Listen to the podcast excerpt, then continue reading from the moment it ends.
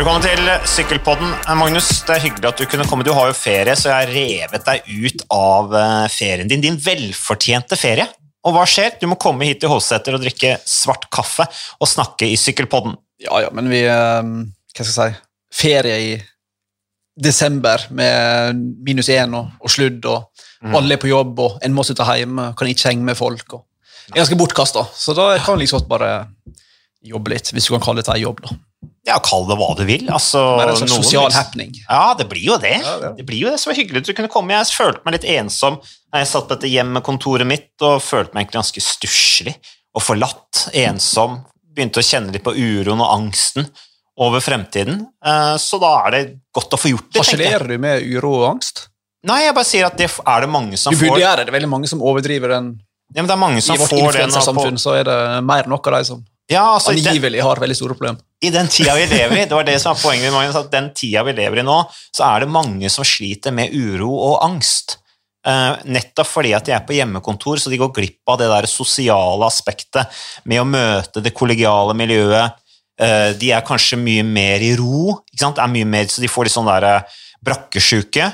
Og så har du all dette usikkerheten. Altså, vi er jo forskjellige, noen reagerer mer på dette med disse overskriftene i media, med, med pandemi og usikkerhet i forhold til jobben og dårlig økonomisk tid. Det er jo så mange som sliter nå. Med, med, det er jo høy arbeidsledighet, blant annet. Ja, det er klart, Da blir det mye tungsinn og depresjoner og uro. Eh, Så Derfor så syns jeg det var fint at du kunne komme og, og ta litt sykkel på det. Jeg, jeg tror det var Forrige uke var det vel ikke noe sykkel i det hele tatt? eller var det, jeg husker ikke helt, men det var i hvert fall, Vi har hatt litt sånn trøbbel med å på en måte finne innhold. Vi hadde en sånn vakuum etter sesongen. Det var plutselig veldig mye, og så skjedde det ikke noe lenger. Og så så vi på hverandre, så det liksom, ja, men hva skal vi snakke om? Sesongen er over, det skjer jo ingenting. Men inngangen på den sykkelpodden vi nå skal ha, som kommer til å bli en helt drepende, nesten pinlig lang episode, den, den er jo fordi at det, er, det har skjedd så enormt mye. Altså, sesongen er over, men det slutter jo aldri å strømme på med interessante sykkelnyheter. Så jeg vet nesten ikke hvor vi skal begynne. Eh, og dette er jo eh, altså, det som er, litt, det som er problemet da, med de nyhetene, er at det mangler fullstendig tabloid punch i det, på en måte. Vi er, vi, Det er jo et, Ja. kjent problem på denne podkasten. Ja, så det, det, er, men, så det, det er klart, det må vi bare leve med. Men vi kommer nå til å ta litt eh, I denne podkasten så får du litt eh, siste nytt. Det skal vi ha. Og så har vi også et lengre intervju med Carl Fredrik Hagen, og det er jo kjempebra. Jeg tror jeg si en ting. Um, jeg snakka tidligere i dag og i går med en sånn um, utenlandsk uh, journalist, sykkeljournalist. Um, Du kan ikke si navnet hans? jo, jo, det er han der som heter Daniel Freeb. Oh, ja. Freebie. Uh, for han er jo Arsenal-fan, og vi har en kontakt. Men så spurte han, han spurte om Sondre Holst Enger. da. Hva skjedde egentlig der? Og så ble det masse meldinger fram og tilbake der, og hva skjedde med Oskar Svendsen, og hva skjedde med Truls Korset, og hva skjedde med Ole Håvardsholm, og hvor ble det egentlig av Kristoffer Halvorsen og Daniel Hoelgaard? Freebie snakka om Ola, eh, Ole ja, for det ble et spørsmål liksom, Hva skjedde egentlig med den norske generasjonen som liksom forsvant litt? Eh, forsvant er jo et sterkt ord, men um, for han, var, for han var på utkikk etter Han mente at nå var det så mange sånne typiske moneyball-signeringer sykkellag kunne gjøre. Mm. Altså moneyball, altså finne litt sånne der uslepne diamanter til en billig penge og gjøre til store stjerner. Mm. Satt på spissen. Og da mente han da kunne Sondre Holst Enger være en sånn person? Jeg mistenker at Freebie skulle lage en slags tweet her, og kanskje skulle inkludere Sondre. Men det tyder vel på Jeg vet ikke hva du har hørt, men det tyder vel på at det ikke um, blir noe Eller rivallaget til Sondre har vel ikke avklart noe ennå. Men jeg føler hver dag nå som går, så er det en ny person som stikker fra det laget. Om det var Michael Skelle, sportssjef, eller om det var Ritter. da. Er det ikke 14. desember som er en sånn ny Jo, deadline fra Internasjonale Sykkelforbundet? Jo, jeg tror det. Jeg tror det. Det laget henger jo en tynn tråd, men jeg ser jo at, jeg ser jo at det er positive signaler fra topplederen, jeg husker ikke hva han heter, men som du sa i går, i går røyk, eller i går ble eh, Mikael Skelde ble på en måte fri, altså han kan begynne å jakte på andre ting. Eh, og, og Mikael Blausund er vel på en måte den siste direktøren som er igjen. Eh, Blausund, som hadde mange år i CC, var en glimrende sykkelrytter. Blausund på midten av 2000-tallet. Eh, Så det ser jo litt stygt ut der. Han eh, unge Hansen som kommer fra Kofdis, eh, håper vel at det skal bli noe der. Jesper Hansen. Har du unge. Han er kanskje ikke så ung lenger. Han var vel litt ung da han vant Tour of Norway for sånn 2016 eller noe Ja, sånt. det er så lenge siden. Ja, det er ganske lenge siden. Med Rjukan-etappen og Ja, greier. ja, stemmer. Men poenget mitt var bare den rival og Sondre Holst Enger framtiden får vi nå ta når det kommer. Men det er jo trist hvis, det, hvis han legger opp i en 25-26 år gammel. Mm.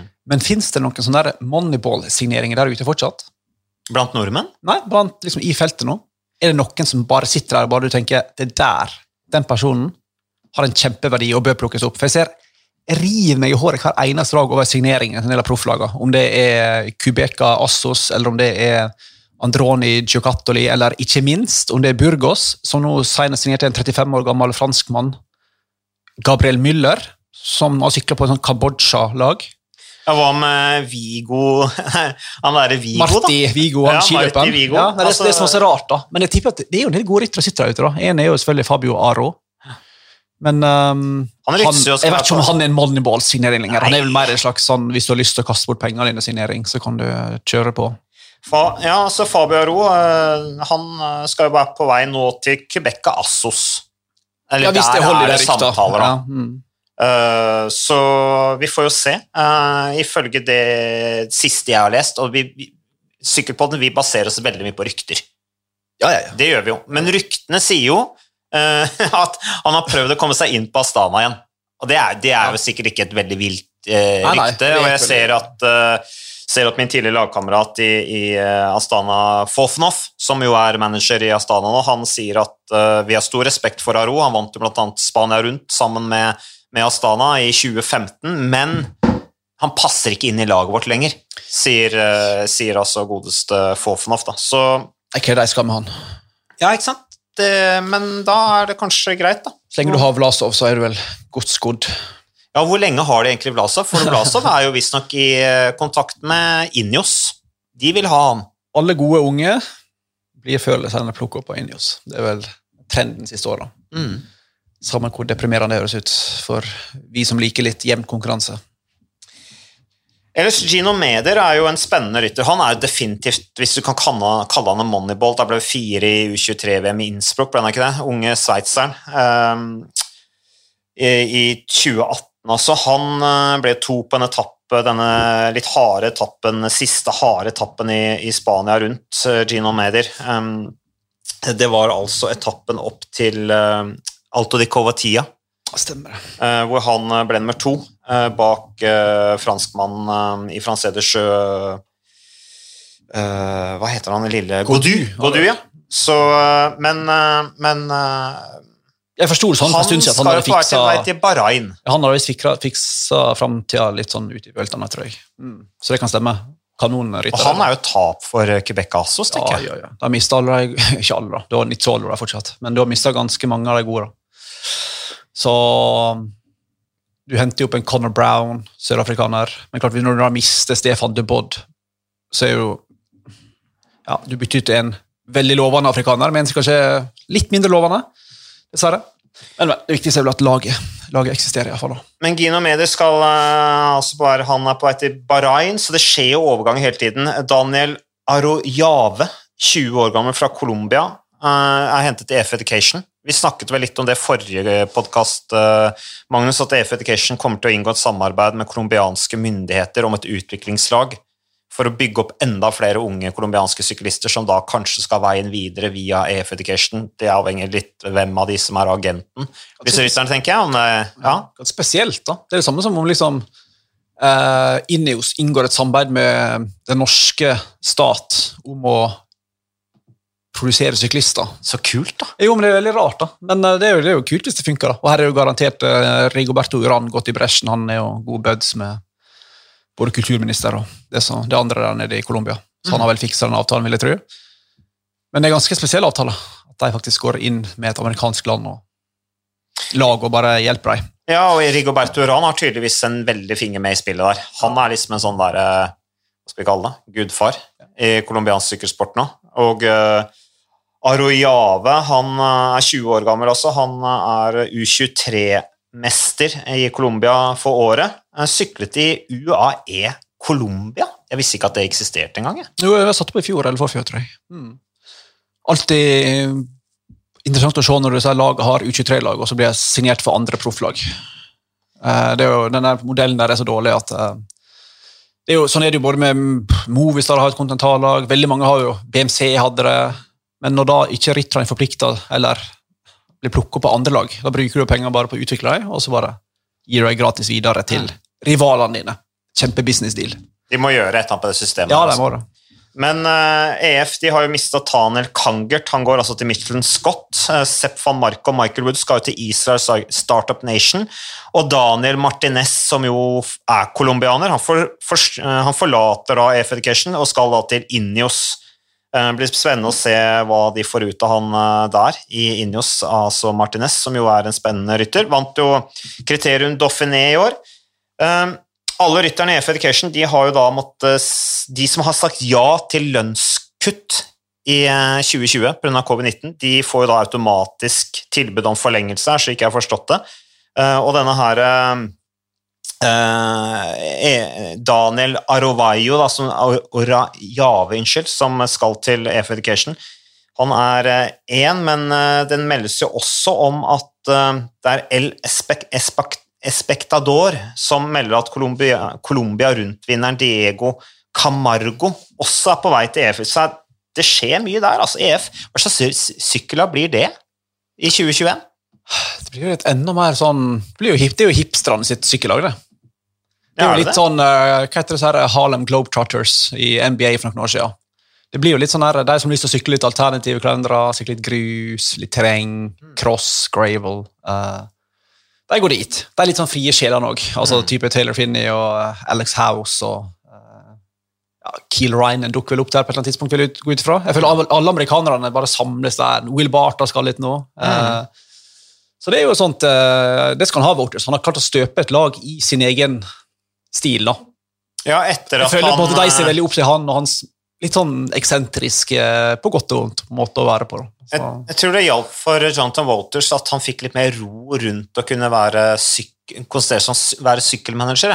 Ikke alt dette sponsorgreiene, for at nå er det ikke han som eier sykkellaget lenger. Nei. Nå er det jo EF Education som eier sykkellaget, slik jeg har forstått det. i hvert fall. Så det hjelper kanskje litt på at han da slipper å drive altfor mye med regnskap og sånne ting. Og heller konsentrere seg om det sportslige. Han gjør en bra jobb i EF Education, for det er et lag i en, i en fin utvikling, syns jeg mm. i forhold til hva det har vært de siste årene. Eh, hvor jo bl.a. Kristoffer Halvorsen har vært, Kristoffer Skjerping har vært der uten noe særlig suksess.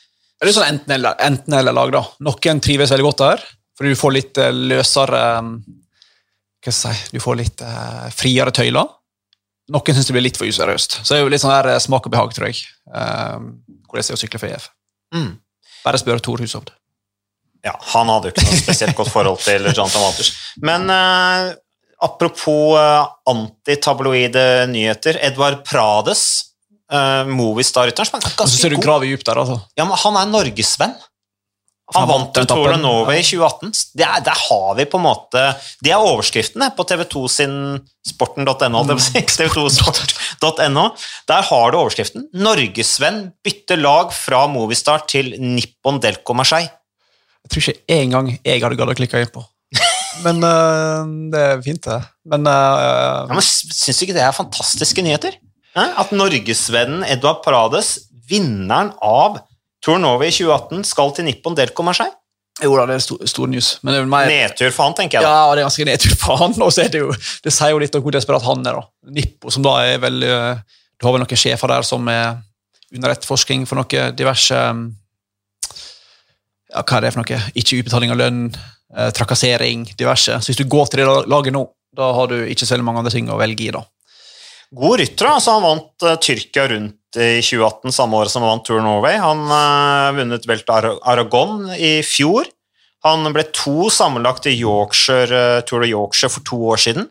Han, han har ganske mye bra resultater, han Ja. han godeste Prats. Der må det ha vært et eller annet som har skjedd. Ja, han var masse skader. Eh, Det var masse skader i Movistar. Eh, og så har han en bror, faktisk, uh, som sykler i Japan. Ukio er ikke dette laget, som har en haug med gamle spanjoler. Så jeg tror begge brødrene er desperate om dagen til å Benjamin Prades, er hva heter han. Så, Ja, de, liksom ikke, de velger ikke på øverste hylle Nei, gjelder lag, dessverre. disse brødrene. Nei, Prades, det er si. det- Det er tøft. Det er ikke bare bare. Eh, Enrico Gasparotto, 38 år gammel, legger opp. Eh, ti seire blant dem. Han har jo vunnet Amstel Gold Race to ganger. Det er jo det han er mest kjent for. Lysluggen fra Italia, som ble proff eh, i 2005. Samme året som han vant det italienske mesterskapet, har syklet i Liquigas og Barlow World og Lampre og Astana, Vanti, Bahrain, Dimension Data, NTT. Slutt for han. Sånn er det. Helt absurd CV da, å vinne Amstel Gold Race to ganger, og så har han vel, om jeg ikke husker feil, ti proffseiere totalt, Mhm. og to av dem er Amstel Gold. Ikke den ene stapper i noen Grand Tora eller noe sånt. Det er vel en av dem i Tirreno og så er det italiensk mesterskap. da. Merkelig rytter, som alltid var god i det ene rittet. Litt sånn Roman Kreuziger-stil. Mm, NTT. NTT kjøpte jo begge to. Det var en kjempesignering. Ja. nok en eh, fulltreffer. De skulle bare gå all in på det rittet. Mm. Sånn ble det ikke. Det er ikke alltid sånn som at, er ikke alltid ting blir sånn som man hadde regna med. Det er jo interessant. Vet du. Jeg nevnte han, uh, han, han Freebie. Så han hadde en teori her om dagen at Apropos at norske unge gutter vi snakket litt om tidligere, da, eh, har hatt litt sånn så som så utvikling. Noen har gitt seg tidlig. Eh, noen hadde 97 i VO2 maks og la opp før de var senior. Liksom. At han, han kom med konklusjonen om at um, det er vanskelig å vurdere hvor gode syklister egentlig er, og mitt uoffisielle syn Nå blir det veldig offisielt, da, men er at- Ja, det er ikke så mange at- som er Nei, det er sant. Det er iallfall ikke briter. Eh, er at det er veldig avhengig av hvor godt likt du er. Mm. Hva slags karriere du egentlig får. Jeg tror I fotball jeg tror du kan være så douchebag som du vil. Det har vi mange eksempel på. Uh, men i sykkel eh, det har et poeng. altså. Eh, er En ting er talentet og det å faktisk gjøre jobben, men det å være godt likt og ha faktisk ha kontakten og komme inn på de der lagene, få en sjanse til for å kjenner massøren på det laget og så, Det har faktisk ganske mye å si. Mm. Ja, er du en ålreit fyr? Er Ja. du godt likt? Det sosiale Og det, det var jo poenget det var jo Gasparotto. Mm. Så Inntrykket av jeg knapt bare intervjuet noen få ganger. Har ikke peiling hvordan han er. Men han virker som en veldig godt likt person i gruppa, selv om han selvfølgelig kom fra noen lag og ei tid som sannsynligvis ikke var helt uh, blenda hvitt. mm. Uh, men han virker som veldig godt likt, da. Um, og da får du jobb. Han, han var vel vel vant han 30, 38 innimellom òg, da. Ja da. Noe ritt som liksom bekreftet potensialet og talentet hans. Mm. Uh, Så det, det er klart, det kommer du langt med. Og så er du en klikk med noen store ryttere som du på en måte følger. Um, så, men det er, det er altså, Og er du hjelperytter, sant? holde inne med riktige folka, Ja. være en god kompis, så får du fort, blir du fort henta inn til type sånn Valerio Anjoli blir henta inn for en Nibali er i, om det er Bahrain eller Likvigas eller hvem det er. Se på meg sjøl, da. Godt poeng! Meget! Jeg har proff i fem år. Eh, men, eh, men en annen ting eh, Var du, var du godt likt i feltet? Eller var du godt likt med norske gjengen? Nei, men jeg hadde jo, jeg hadde jo, jeg hadde jo godt forhold til lagkameratene mine. Ja. Eh, Så det var jo det viktigste, tror jeg. Eh, Så også selvfølgelig var jeg viktig altså Jeg hadde en, en viss uh, funksjon i forhold til Tor, rundt det sosiale og trening og sånne ting. Men, uh, men når det gjelder uh, når det gjelder akkurat det jeg snakka om nå, så jeg husker jo historier fra når jeg var proff, at det var ryttere som ikke ble forlenget med fordi at de hadde sånne merkelige fakter, for sant? At de kunne gå rundt på hotellrommet kliss nakne. Det var bare sånn, altså sånne ting som Du, du kan ikke si sånne sosiale ting som på en måte Det var feil ting å gjøre, da. At de kanskje hadde mye gass i magen og bare lot det ja, flyte. Så, altså sånne ting, da. Jo, men du må Du blir kjent for det alle, alle lurer på hvem er det vi snakker om her. Nei, det kan jeg jo ikke si. Rundt Jeg husker ikke navnet på det. Men den personen som gikk naken rundt, han gikk til og med naken ut i hotellkorridoren. Og det var da på en måte, da ble det så mye snakk om det at det liksom Nei, vet du hva. Ja, var det her på kveldstid eller på morgenen? Nei, hva, altså, var, det er- hva var settingen her? Det, nei, det, det, det vet jeg ikke, men dette var bare sånn prat som gikk, da. Ikke sant? Og når de ryktene der går, så får du et dårlig utgangspunkt ut. eh, Når du ja, det vil jo få på de fleste arbeidsplasser, hvis Ja, du går naken rundt. Ja, men han bare tenkte ikke, han gjorde det ikke fordi at han ville blotte seg, men det var bare fordi han liksom Han bare liksom følte seg hjemme på, i hotellet, da. På, I hotellkorridoren. Så det, det kan Jeg tror det er en del sånn metoo-saker som er godt begravd i den der eh, sykkelsporten. Ja, men I dag hadde det blitt en metoo-sak, men, men den gang så han, han, Som sagt, han gjorde ikke det fordi han ønsket å vise seg for eventuelle eh, damer i korridoren, eller hva det måtte være. Eh, men det var bare fordi at han ikke gadd å kle på seg. Så han bare gikk ut korridoren, hentet mat splitter naken, liksom. For det står jo gjerne sånn mat ute i korridorene til rytterne hvis de er litt sultne mellom måltidene. Så, så det er en litt spesiell historie. Men uh, eh, videre, vi må jo prate litt nyheter. Uh, kvinnesykling, når det gjelder Astana, så legger jo de ned Vi har vært litt, innom Astana og Aro, som ikke får komme tilbake til sin, arbeids, sin tidligere arbeidsgiver, men Astana legger ned damelaget sitt etter seks års satsing. De har oppnådd 48 UCI-seire, uh, vunnet tre seire i år. Det beste, mest kjente rytteren der er en litt artig historie. Det er jo Arleni Sierra fra, Cuba som vel er den som har vunnet flest ritt i uh, Astana. Det er jo synd, så uh, Men, men. Sånn er det. Noen trapper opp, noen trapper ned. samtidig som jo De endrer bare navn, da. De endrer bare navn, ja. Ja, ja. De er med neste år. De har hatt nytt navn med en ny sponsor. Så jeg tror ikke vi skal forskuttere at de legger ned helt ennå. Jeg oppfatta det som at de trekker seg helt ut. Ja. Men da er jo det i hvert fall en god nyhet, da.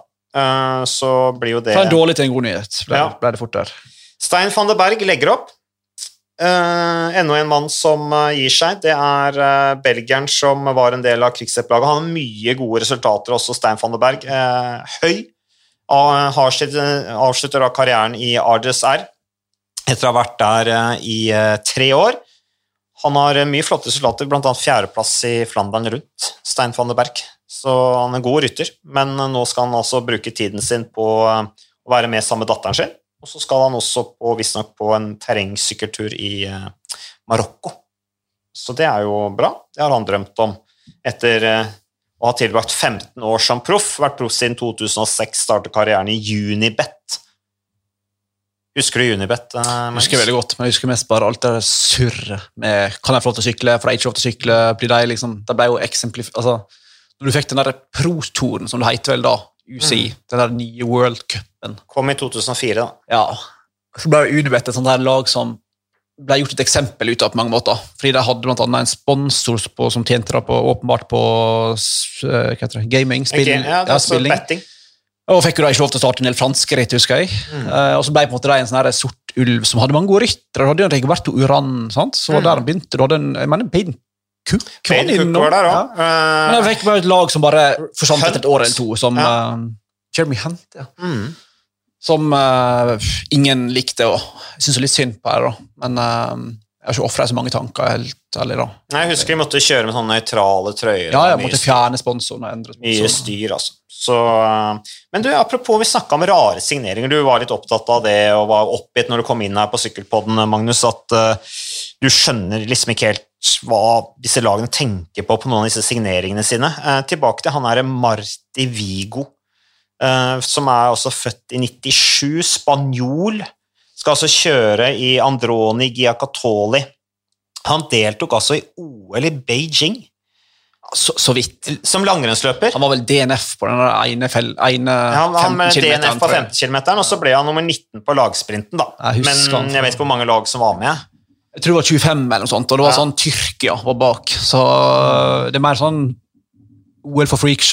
eller altså for altså, Ja, det var ikke all verden. Så. Han deltok i junior-VM i langrenn også. I, eh, han Tre ganger har han deltatt i junior-VM i langrenn i 2014, 2016 og 2017. Har 14.-plass på 10 km som beste plassering.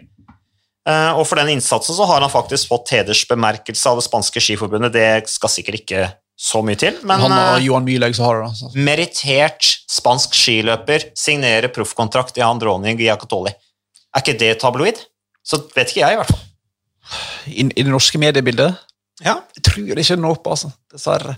Men han ble vel inspirert av sin kjæreste tror jeg, til å begynne å sykle. mm. Hun som sykler for det laget til Inigo Cuesta, det der um, hva heter det, Casa Dorada Mm. Ja.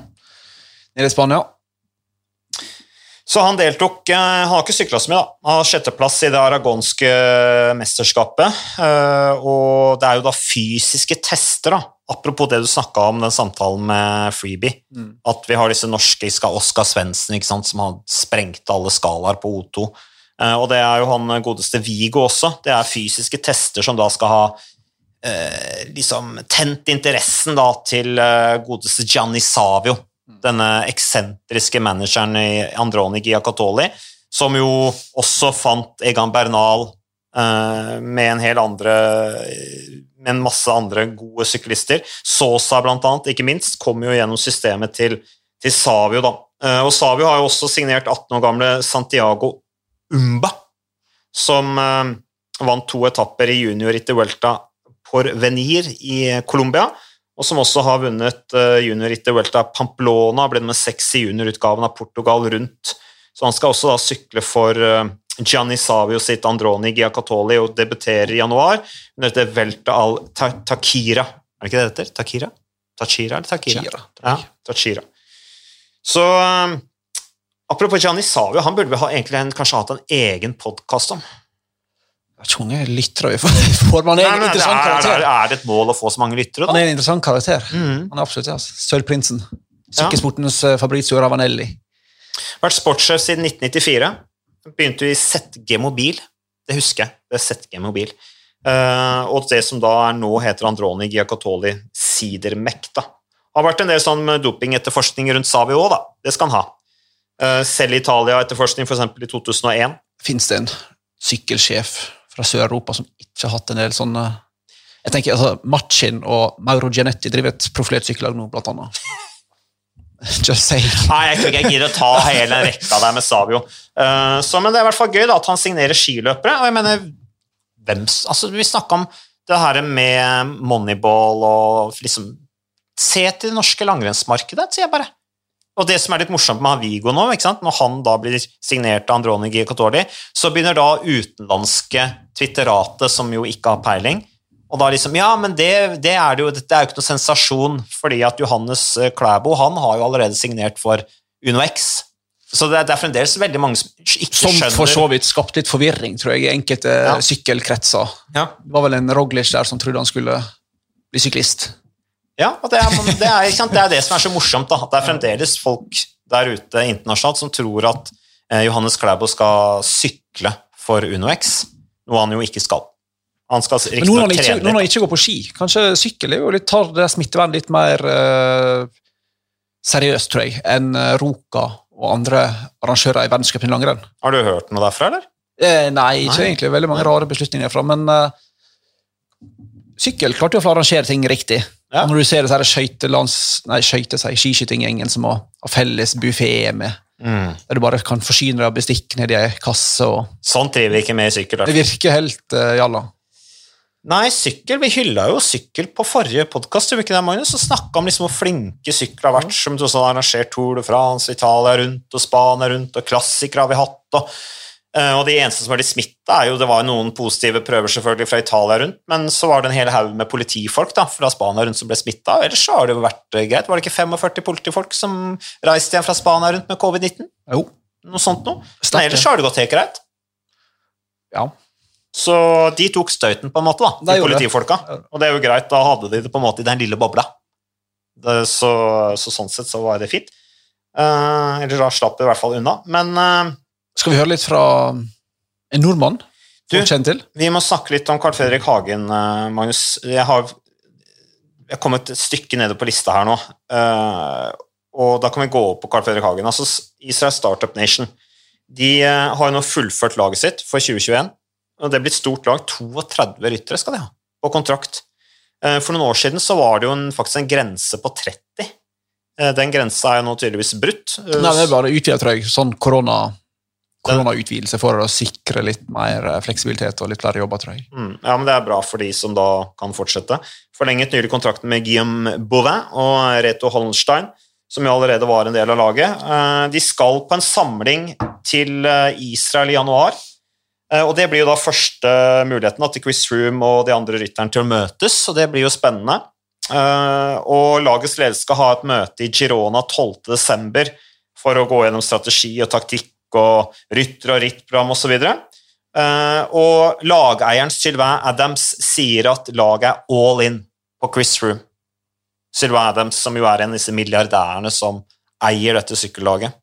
Eh, det kan vi også ta en egen podkast om, egentlig. I hvem er det som står bak det sykkellaget. Men jeg har snakket med Carl Fredrik Hagen, så vi kan jo høre hva han eh, snakket med meg om.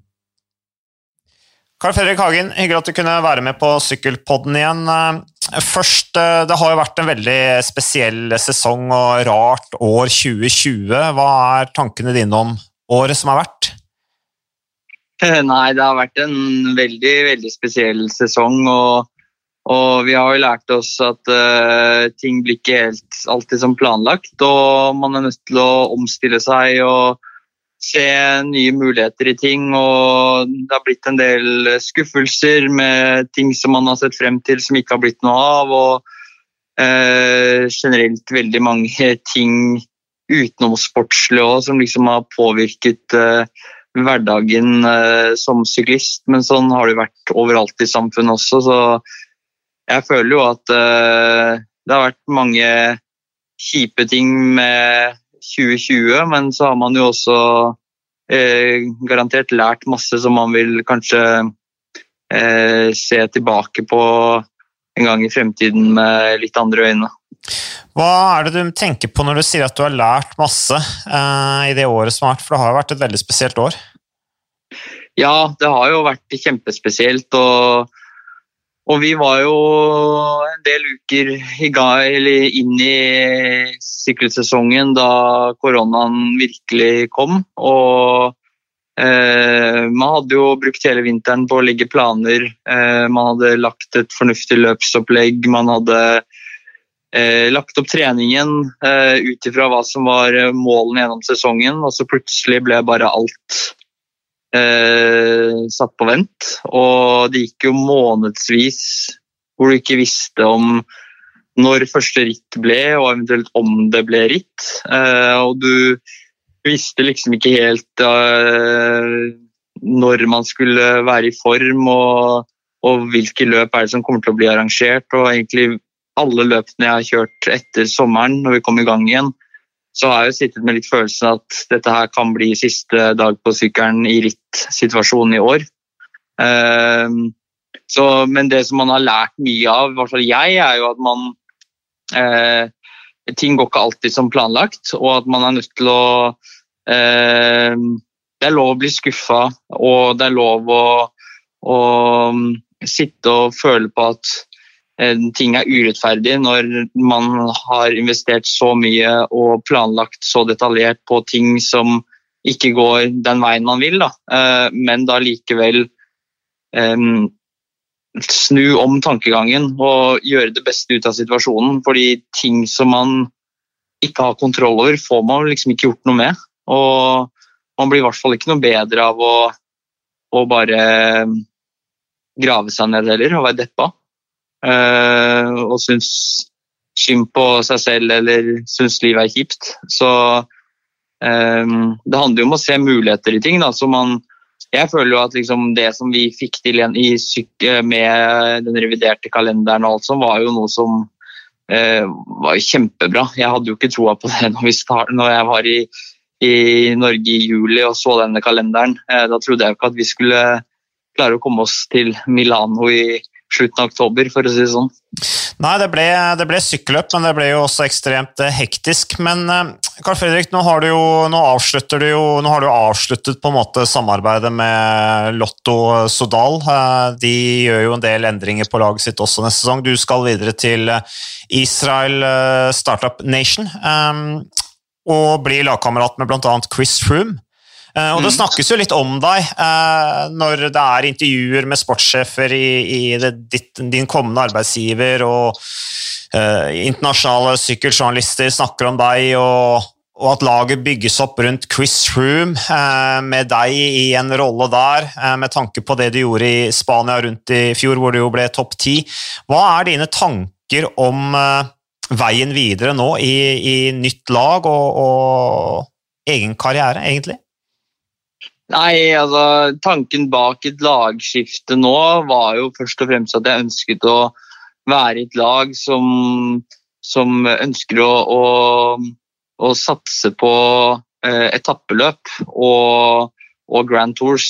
Eh, Lotto var et kjempefint lag for meg å komme inn i worldturen på, og Lotto har vært veldig bra på, på mange måter med flinke folk, eh, hyggelige kollegaer veldig mye bra løp. Eh, så, så det, det, har jo, det, har vært en veldig fin tid i Lotto, men som de fleste vet, så er ikke Lotto et lag som satser på sammendrag. De satser ikke på etappeløp, de kjører for enkeltetapper. Eh, de bryr seg veldig om eh, de belgiske og klassikerne og Paris Roubais. Mm. Og de investerer enormt i opptrekk rundt Caleb Ewan og få etappeseiere med han.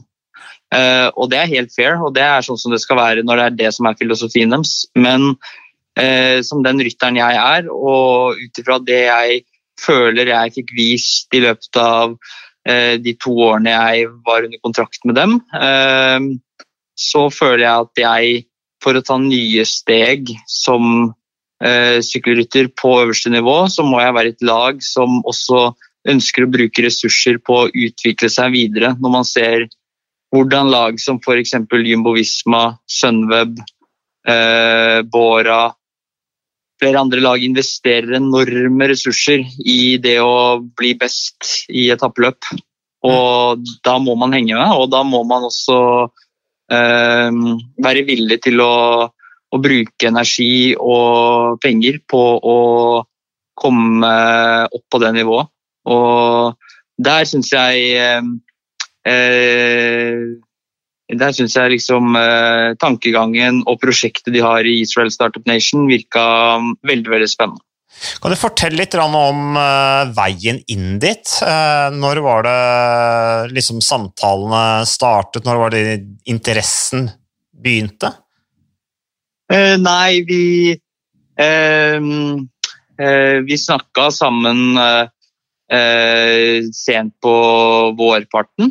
Og det var, det var Kjell Karlstrøm som, som, tok kontakt med, med, min agent. Og så hadde jeg en del prater med han, og jeg prata litt med han som er hovedcoachen i, i laget, som står for uh, å ha liksom, han overordnede på treningsopplegget. Og eh, jeg var også prata med andre lag, men uh, jeg syns det virka spennende, det var tydelig at de ønsket meg i laget. Og, og så etter eh, litt eh, tenking og litt vurderinger, så og jeg ikke mottok noe tilbud fra Lotto heller, så, så følte jeg at det var riktig å, å få den på plass eh, i starten av august, så jeg slapp å gå en senhøst, en utrygg senhøst i vente.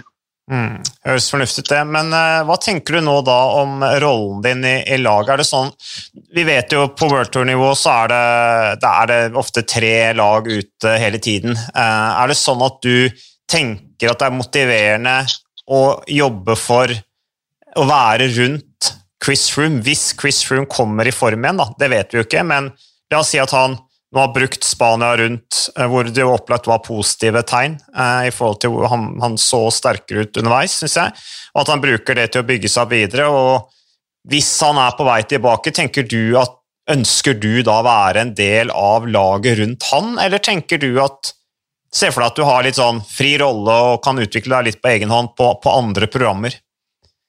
Eh, nei, jeg kan Jeg vil veldig gjerne være en del av eh, av rytterstammen rundt eh, Chris Froome. Og, og, nå har vi ikke gått i detalj og prata så mye om sesongplanen ennå og hva, hva, de tenker, men, men, slik vi diskuterte i, i sommer, så, så, håper jeg jo at Og det virka sånn på laget også, at vi, vi kommer til å finne en veldig fin balansegang mellom det å hjelpe de rutinerte gutta som Chris Froome og Dan Martin, og lære masse ved å gjøre det.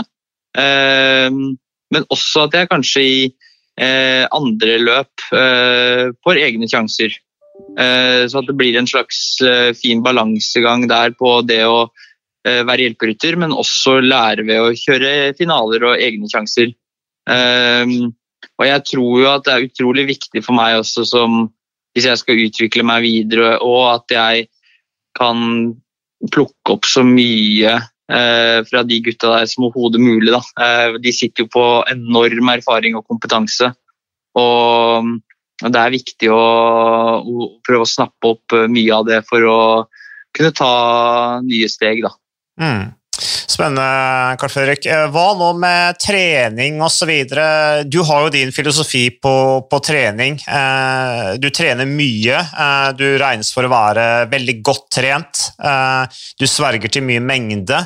Er det sånn at du kan beholde det samme treningsregimet, og du tenker at du skal fortsette å gjøre det du eller mye av det du har gjort til nå, da, og bygge videre på det du har gjort til nå, eller blir det endringer på det og nye folk som kommer inn og, og er med og bidrar til treningsarbeidet ditt? Eh, jeg kommer til å fortsette med Erik som hovedtrener, slik jeg alltid har hatt. Eh, og vi kommer til å ha den tetteste dialogen, men, eh, og det var også ønskelig. Det syns laget også var en veldig fin idé. Men vi kommer også til å benytte oss av en coach fra Israel Startup Nation som vi skal spare med. Så vi trenger også ny input, og vi sitter ikke på noe fasit. Og vi er veldig ydmyke også der i forhold til å å kunne diskutere og gjøre små endringer. Eh, og noen sånn drastiske endringer kommer det ikke til å bli, men det kommer til å bli noen små endringer her og der. og Helt i detalj er vanskelig å si akkurat nå, men, men det er noen, noen, små endringer som kommer til å bli gjort, garantert. Og så får vi da også en, eh, et coach-time til Israel Startup Nation som, som, kommer til å følge med og komme med innspill, og vi kan spare sammen for å å prøve å fortsette med det som vi vet har fungert veldig bra, men også utvikle eh, andre ting som jeg har eh, forbedringspotensial på. Det kan f.eks. være eh, noe som eh, avslutning eller eh, litt mer punch, litt mer eksplosivitet. Eh, den type ting, da. Hva tenker du da det innebærer i form av spesifikt treningsarbeid? Er det da ting du skal gjøre på sykkelen, eller tenker du at det fort kan bli type vekttrening, sånne ting, eller? Eh, begge deler, tenker jeg. Ja. Eh, at eh, eh, det er viktig å, å, stimulere muskulaturen på forskjellige måter. Eh, så det å kunne gjøre både øvelser på sykkelen i form av eh, drilløvelser eller eh, intervaller og den type trening. Og også gjøre en solid jobb i styrkerommet på å rett og slett bare bli enda bedre gjennomtrent. Og selv om jeg er godt trent og trener mye, så har jeg fortsatt mye forbedringspotensial på en del ting. Så, eh, og øh, vi har ikke noe fasit på, på, noe som helst, så vi er veldig åpne for å og gjøre små endringer hvis de har troa på det. Hva har du gjort nå da, Carl Fredrik, etter, eh, etter, eh, sesongavslutningen? Eh, hva gjør du nå? Har du hatt pause, eller er du, du gang igjen med treninga? Ja, jeg er i gang igjen nå. Ehm, jeg hadde tre og en halv uke ca. etter giroen som, som jeg tok det altså, relativt pent. Jeg har ikke hatt noe som helst treningsprogram. Jeg har ikke hatt uh, noen struktur på noe trening. Um, og ikke kjørt noe som helst intervaller, men jeg har prøvd å Jeg liker jo å være i fysisk aktivitet, så, og det betyr mye for meg. Så uh, jeg har prøvd å få løpt litt. Jeg har syklet mye på terrengsykkelen og kost meg i Nordmarka. Uh, hvis det har vært kjempefint vær, så har jeg tatt meg noen få turer på racersykkelen.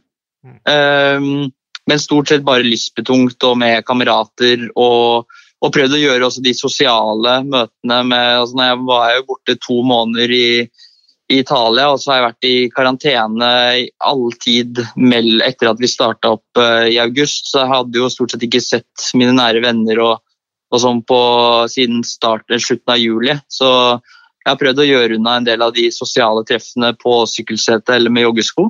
Mm. Um, og så kjørt veldig lite sånn cowboy- og høyintensitetstrening. Så i og med at siste del av eller altså, ja, høsten ble vanvittig komprimert og veldig hektisk, så eh, prøvde vi også å være litt smarte og gi kroppen enda litt mer hvile enn det som jeg normalt har gjort i offseason. Så jeg har vel liksom sluppet meg enda litt lenger ned enn det jeg normalt har gjort, men føler ikke på noen måte at jeg har vært noe råtten nå når jeg starta opp igjen heller.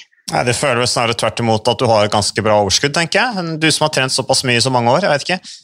Ja, altså Jeg føler meg i hvert fall ikke sliten. og det er sånn, Du føler jo ikke det er flying på noen intervaller, og du føler jo ikke at liksom, beina flyr på noen som helst måte. Men, men, det er ikke sånn at du går rundt og, og føler deg sliten. Eh, og du kjenner at liksom, du har hatt bra med energi sånn, i hverdagen til å gjøre normale ting. og Og ja, det har vært eh, egentlig veldig fin sånn mental avkobling å bare ikke ha noe veldig struktur på Rett og slett ha litt ferie, da, og så bare gjøre det du føler for. Um, jeg hadde jo aldri noe pause under koronaen i, i våres. Jeg trente jo hele tiden uten å ta noe som helst ferie i den perioden. Til slutt, Carl Fredrik. eh, er, altså det er jo fremdeles en vanskelig tid. Sikkert krevende å planlegge for eh, støtteapparatet og ledelsen i, i eh, nye arbeidsgiveren din og alle andre sykkellag også, men hva er, hva er programmet fremover nå? Hva vet du om det? Eh, det jeg vet nå, er at jeg kommer til å være hjemme i Norge frem til nyttår. Eh, så målet nå de neste ukene er egentlig bare å fortsette god struktur på trening og holde seg frisk og skadefri og bare bygge stein på stein. Og så planlegges det en eh, treningssamling med hele laget i siste del av januar. Um, så det ble vel offentliggjort i dag, tror jeg. eh, At vi skal prøve Jeg tror det er snakk om at vi skal til Israel. Um, så det blir veldig spennende å møte hele laget og støtteapparat og alle rytterne. Um, og så er jo vanligvis desember en måned der hvor man er på treningssamling og har veldig mye møter og planlegger ting.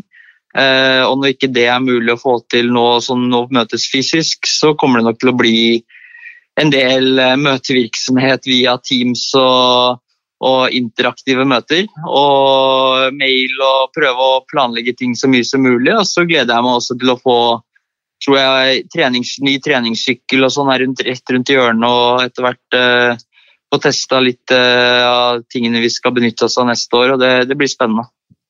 Lykke til, Karl Fredrik. Tusen hjertelig. Så det var Carl Fredrik. Eh, veldig hyggelig fyr. Fantastisk type, Carl Fredrik. Nydelig mann, da. Den- Han, han er vel han er sånn sykkelsportens Gjermund Eggen? Håkon Brusøen?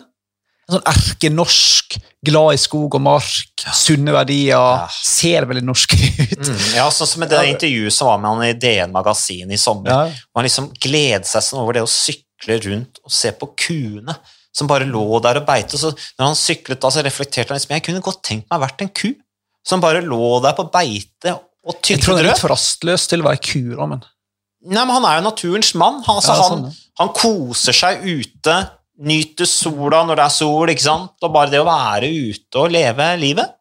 Så det syns jeg var fantastisk refleksjon i, i Dagens Næringsliv, dette magasinet som hadde en svært sak på Carl Fredrik i sommer. Men eh, det er jo interessant det han sier om eh, for det første dette om rittprogram, og, og at han ønsker å være en del av klikken rundt Chris Froome, eh, og at han ser på det som veldig utviklende. Det er klart at jo mer jeg nå leser om Israel Cycling Academy Jeg har, jeg har ikke hatt sånn veldig trua på det, må jeg innrømme. Eh, men jeg får mer og mer trua på det, egentlig, må jeg innrømme. De har enormt med ressurser i det laget der, og jeg tror faktisk de mener noe med det når de sier at ja, de skal ha et tilsvarende sportslig opplegg rundt Chris Room og alle disse andre, som det Jumbo Visma og Team Injos kan tilby sine ryttere. Jeg tror de går all in, altså. og det er mye ressurser der. Så jeg vet ikke om du, hva du tenker om det, Magnus. Det ser Jo. veldig betenkt ut. Nei. Nei, men det er bare sånn jeg ser ut i ansiktet mitt, dessverre. Jeg er alltid litt sånn tvilende og ja, kritisk. ja, folk sier det, men det er bare et eller annet med øyenbrynene mine som knyt, som trekkes ned. Det er ikke meninga å være skeptisk. Uh, men nei, bare, det kommer til å være en del sånn der um, Hva vi kaller det når det gjelder uh, lag som skal bli store. Det kommer til å være en del sånne små ting som en må lære av etter hvert. da.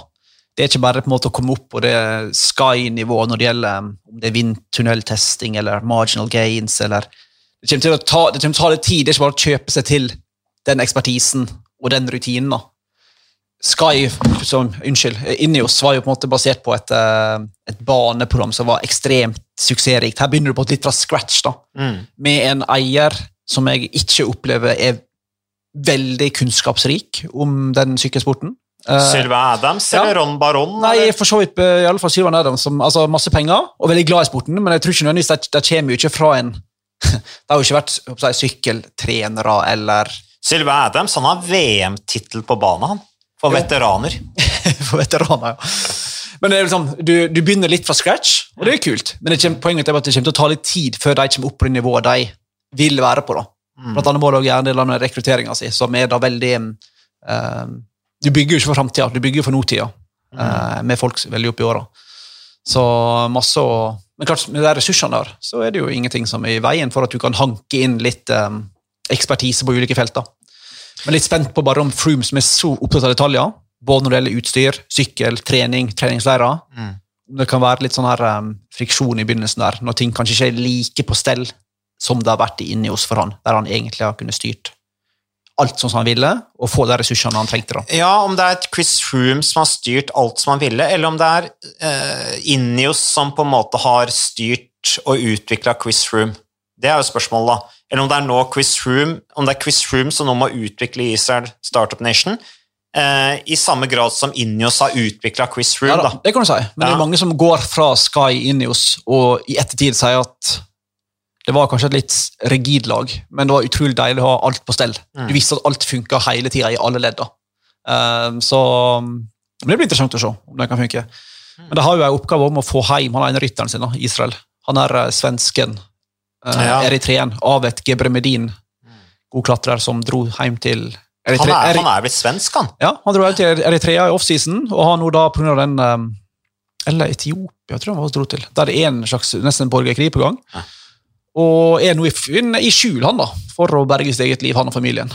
Så Gebremedin er kanskje rytter nummer 33 på det laget. Du nevnte at jeg var ferdig.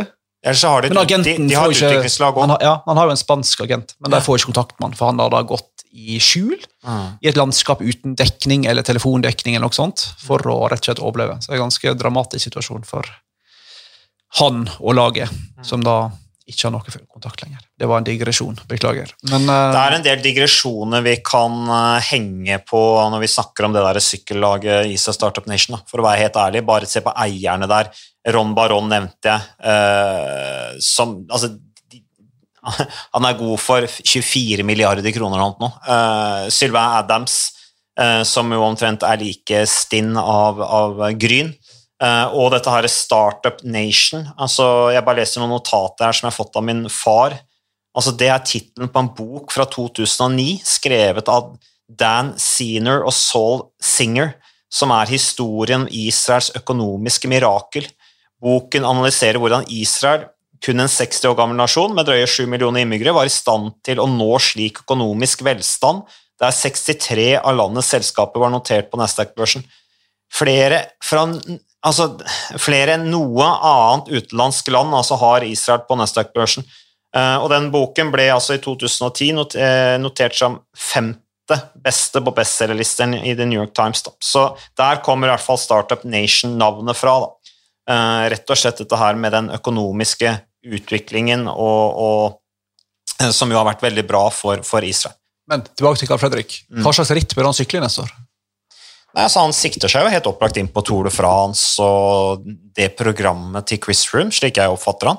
Um, og at han ser på det som veldig utviklende, og at han, kom, ønsker å være veldig dedikert også som, som hjelperytter. Han ser på det som en mulighet til å lære, uh, og også etablere seg på det programmet som får kjøre de store rittene med Chris Room. Jeg tenker at det er uh, spennende for Carl Fredrik Hagen. Så Det er jo ikke verst når du både har han som går i skole hos den beste du kan gå i skole hos, Chris Froome, og du har en Ålerud som går i skole hos den beste du kan gå i skole hos på damesida, i An- Annvik van Fløyten. Så du har to nordmenn som får lære av de aller, aller beste da, neste år. Det er eh, mye positivt som skjer i norsk sykkelsport. Definitivt. Så det, det er veldig bra. Ellers, Magnus, eh, jeg tenker at eh, vi har egentlig tatt en ganske grei oppsummering nå i en eh, sesong som er eh, altså en, en tid på året hvor det er relativt lite som skjer. Du har jo VM i e- e-sykling da, som går 9. desember. Det kan vi ha et egen opptak til. Hva tenker Og du? det skal vi faktisk uh, vise. Ja, ikke sant? Er det Eller sånn sa jeg noe som ikke var offentlig? Det har ikke jeg hørt noe om, men da, er det i hvert fall, da kan vi jo si det nå. Uh, Men uh, hvis Carl Fredrik, nei, hvis, hvis Edvard Baasen Hagen vinner VM i e-sykling, er det sånn at han da kan kjøre, bli hyllet tror du, på forsiden av avisene, og får audiens hos kongen? Altså, en, altså Apropos eh, Carl Fredrik og liksom norsk eh, skiløper. altså Edvard Boasnagen er jo erkenorsk, han òg. Mm. Han vil jo få audiens hos kongen når han vil, tenker jeg da. Så jeg tror ikke han trenger å vinne et uh, Swift-VM for å havne hos eh, kongen, tror du? Nei, jeg vet da søren, jeg, men uh, Tipper han og kong Harald må gå veldig godt overens. Ja, det tror jeg også. Det tror jeg også. Jeg tror de har mye å snakke om. rolige fyrer som uh, liker norsk natur. Og. Ja, kan, kan, kan, eh, Edvald vise fram bildene han har tatt når han har vært rundt omkring på reiser, og så kan kongen vise fram sine bilder, jeg er sikker på at de kunne fått det veldig hyggelig sammen. Um, Det belgiske laget har jeg sett uh, har annonsert laget sitt til dette VM i Swift-kjøring. Thomas de Gent. Uh, Victor Kampenes, han må vel være en av favorittene der, tenker du ikke? Jeg tenker i utgangspunktet det, men jeg har skjønt at de som driver og swifter masse, at det er ganske mange sånne jeg, hemmeligheter som um, Det er ikke bare å være god på landeveien og så bli god på Swift. Så jeg er litt spent på hvor masse han egentlig har brukt Swift. eh, for det er jo en del um, Ja, det er ikke helt overførbart nødvendigvis. Han får jo ikke brukt den der eh, aerodynamiske fordelen sin noe særlig, da. Nei. Eh, som jo spiller litt inn på landeveien. Så, og det sier man jo eh, om de som er veldig gode på tempo med en veldig ekstrem tempostilling, at de på en måte da, Man tenker gjerne at de har eh, gode egenskaper til å kjøre fort på Swift, men det er ikke nødvendigvis sånn på Swift. Så eh, han skal jo kjøre det belgiske laget. De stiller jo også med Eli Iserbyt, som jo uh, er ja, kanskje er en av de tre best, eller i hvert fall en av de fem beste sykkelcrossrytterne i verden fra Belgia. Vi sendte jo for øvrig sykkelcross i helga som var nå, uh, fra Tabor i Tsjekkia. Det var ganske gøy, det. Michael van Torenhot som vant. En av disse van Torenhotene. Han klinte til, vant sin første verdenscup i karrieren. Etter en lang karriere. Han begynte å vinne. Tenk deg det, Michael van Thoren at han begynte å vinne. Gammel er han nå. Nei, det husker jeg ikke. det er så mange av dem at jeg var helt i, helt i surr på Sven Mm, og Michael Sven og van Dieter. Og, Mm. er, det Sven er jo landslagssjef i Belgia nå. stemmer. Uh, og det ble jo bråk, vet du, fordi at uh, disse her, de kjørte sånn der eh, Kjørte ett sånn, en av disse cupene, en av disse seriene, uh, på lørdag. Og så var det da verdenscup i Tabor, 100 km syd for Praha, på søndag. Og det var jo da 10-12 timer i bil. Og da booka jo da han Sven van Torenot et, eh, et privatfly til gutta. Som en ofte gjør, da. Ja, ikke sant? Men, Guttastemning, gutt- eh, men Sanne Kant, som er tre ganger verdensmester, hun fikk ikke plass på det flyet. Men det var vel hans eget initiativ, ikke det? Sven? Og der var det Sven som booka det. Å ja, sjefen. Ja, nå, ble, nå går jeg surr igjen. Hvem jeg er. Jeg trodde det var Michael. Ja, Vent litt på om du mente Michael nå. Nei, det var, det var ikke Michael van Torenot sin Han er jo ikke en sånn type. Ah, ok. Jeg, jeg, jeg kan aldri tenke meg at Michael van Torenot ringer og booker et privatfly. Men jeg tenkte kanskje det kunne jo vært eksempel uh, Walt van Ert eller et eller annet som gjorde det. Det, det kan det jo ha vært, ikke sant? Eller Ton Ertz, eller Men det skal visstnok ha vært Sven van Torenot som har booka det der flyet, da. Også ikke invitert med Sanne Kant, som jo Ikke sant? Hun er jo en, en av de beste kvinnelige uh, sykkelcrossrytterne som er. Uh, tre verdensmestertitler, som jeg har sagt, men uh, fordi at hun ikke har prestert noe særlig i det siste, så ville de ikke ha med henne da. Det ble det bråk. Men jeg lurer på om hun fikk plass likevel, ved siden av piloten. Det er stort. Så det er Men stort. Disse Fantorene, det minner meg om disse her, vi hadde på landeveien på 80-tallet. Hva heter de? Disse franske brødrene. Simon? Nei. Ja, Simon, ja. Det var sånn, 100 mm. stykk. Det var helt umulig å skjønne hvem som var hvem. Simon-klanen. Ja, var ikke det ikke, ikke fire, jo, det var sånn 90-tallet, ikke sant? Ja. Ja. De sykla på Boulanger og Sett og sånn. Den gjengen der. Ja, det er Så- samme, samme frustrerende gjeng. Ja, de, de var litt sånn, ja. Men Fantorenot, det er, eh, det er i hvert fall eh, en av disse sykkelfamiliene i Belgia som eh, De sykler bare sykkelcross, da. Så, men sykkelcross-sesongen er i gang for alvor, og neste sykkelcrossritt vi skal sende på TV2 Sport, det er, eh, det er 20. desember, så da er det bare å følge med. Pascal Simon, Francois Simon, Jérôme Simon og Regi Simon. Det er fire brødrene. Det er det jeg aldri klarer å bli klok på. Jeg leste forresten om disse Byss-brødrene tidligere i dag. Lucien Byss? Ja, Lucien Byss som vant denne legendariske Tourmalet-etappen i 1926, hvor han vant med 25 minutter eller noe. Eh, og broren hans vant det første etappe samme året, i Tour de France. Så det er noen sånne familier rundt omkring altså, som er morsomme å følge med på. Men jeg tror kanskje vi eh, har tatt godt gjennom det viktigste som har skjedd på sykkelfronten. Jeg tror ikke vi gidder å snakke noe mer om Chloé Digert og at hun får tyn av Rafa for at hun ikke har beklaget nok disse rasistiske antydningene sine på sosiale medier. Den Det er tøft å være amerikaner om dagen. ass. er får gjennomgå. De Mm. som eh, ikke støtter det etablerte narrativet.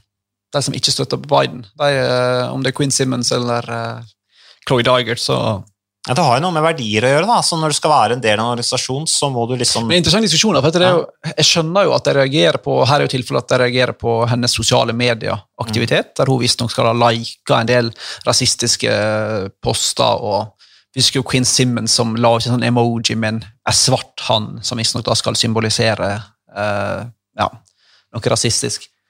Men det er jo um, ja, Du har det samme i fotballen med Edinson Cavani nå i helga, som skrev 'negrito', mm. uh, som visstnok da er et slags sånn kompissleng Mm. der han kommer fra, men som kan oppfattes som rasistisk her vi er. da.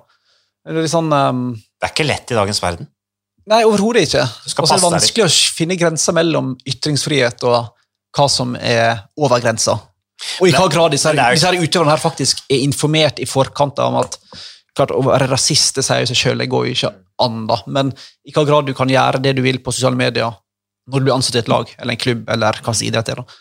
Og, hva, og hvor fritt du står. Det er ikke, det er ikke bare enkelt. Nei, men Chloé Dager har fått kjørt seg litt i det siste, i hvert fall, eh, av arbeidsgiverne sine. Eh, Så eh, det er jo interessant. Ellers en ting vi ikke har snakka om i dag, Magnus, som jeg syns kanskje vi burde ta før vi avslutter den sykkelpodden. Det ryktes at Vincenzo Nibali, han er blitt 36 år gammel, skal til Ineos fra 2022. Litt av et PR PR-kupp. Kilden er altså den italienske TV-journalisten Beppe Conti. Kjenner du han, eller? Ja. Eller nei, jeg kjenner han ikke, men kjenner til han.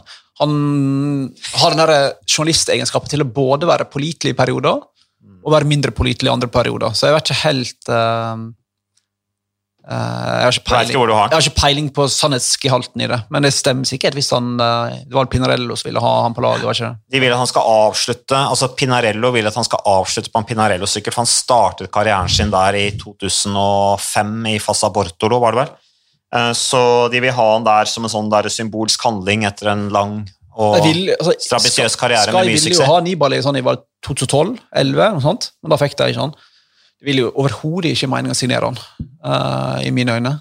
Nei, han skal være en slags mentor da, Jo, men for Theo Gegenhardt. Jo, men du har og, nok mentorer der. ja, så Gary Thomas, Thomas liksom. Hallo, er ikke han mentor? Det er jo den beste mentoren du kan få. det. Ja. Nei, så det er ikke helt mening, da.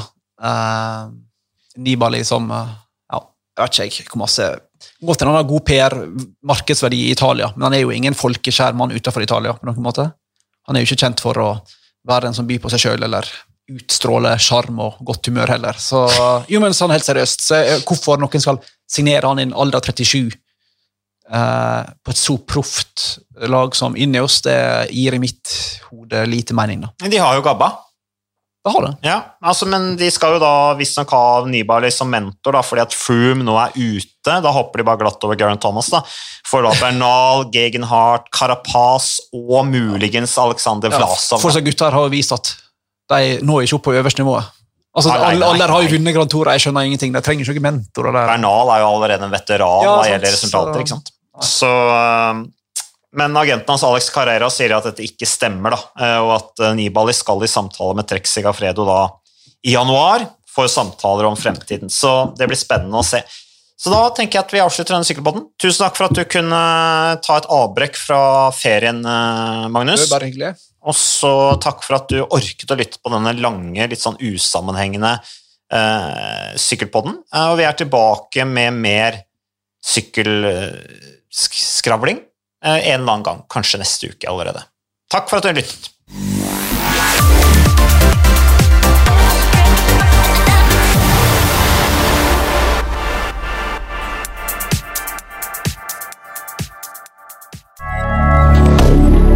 Moderne media.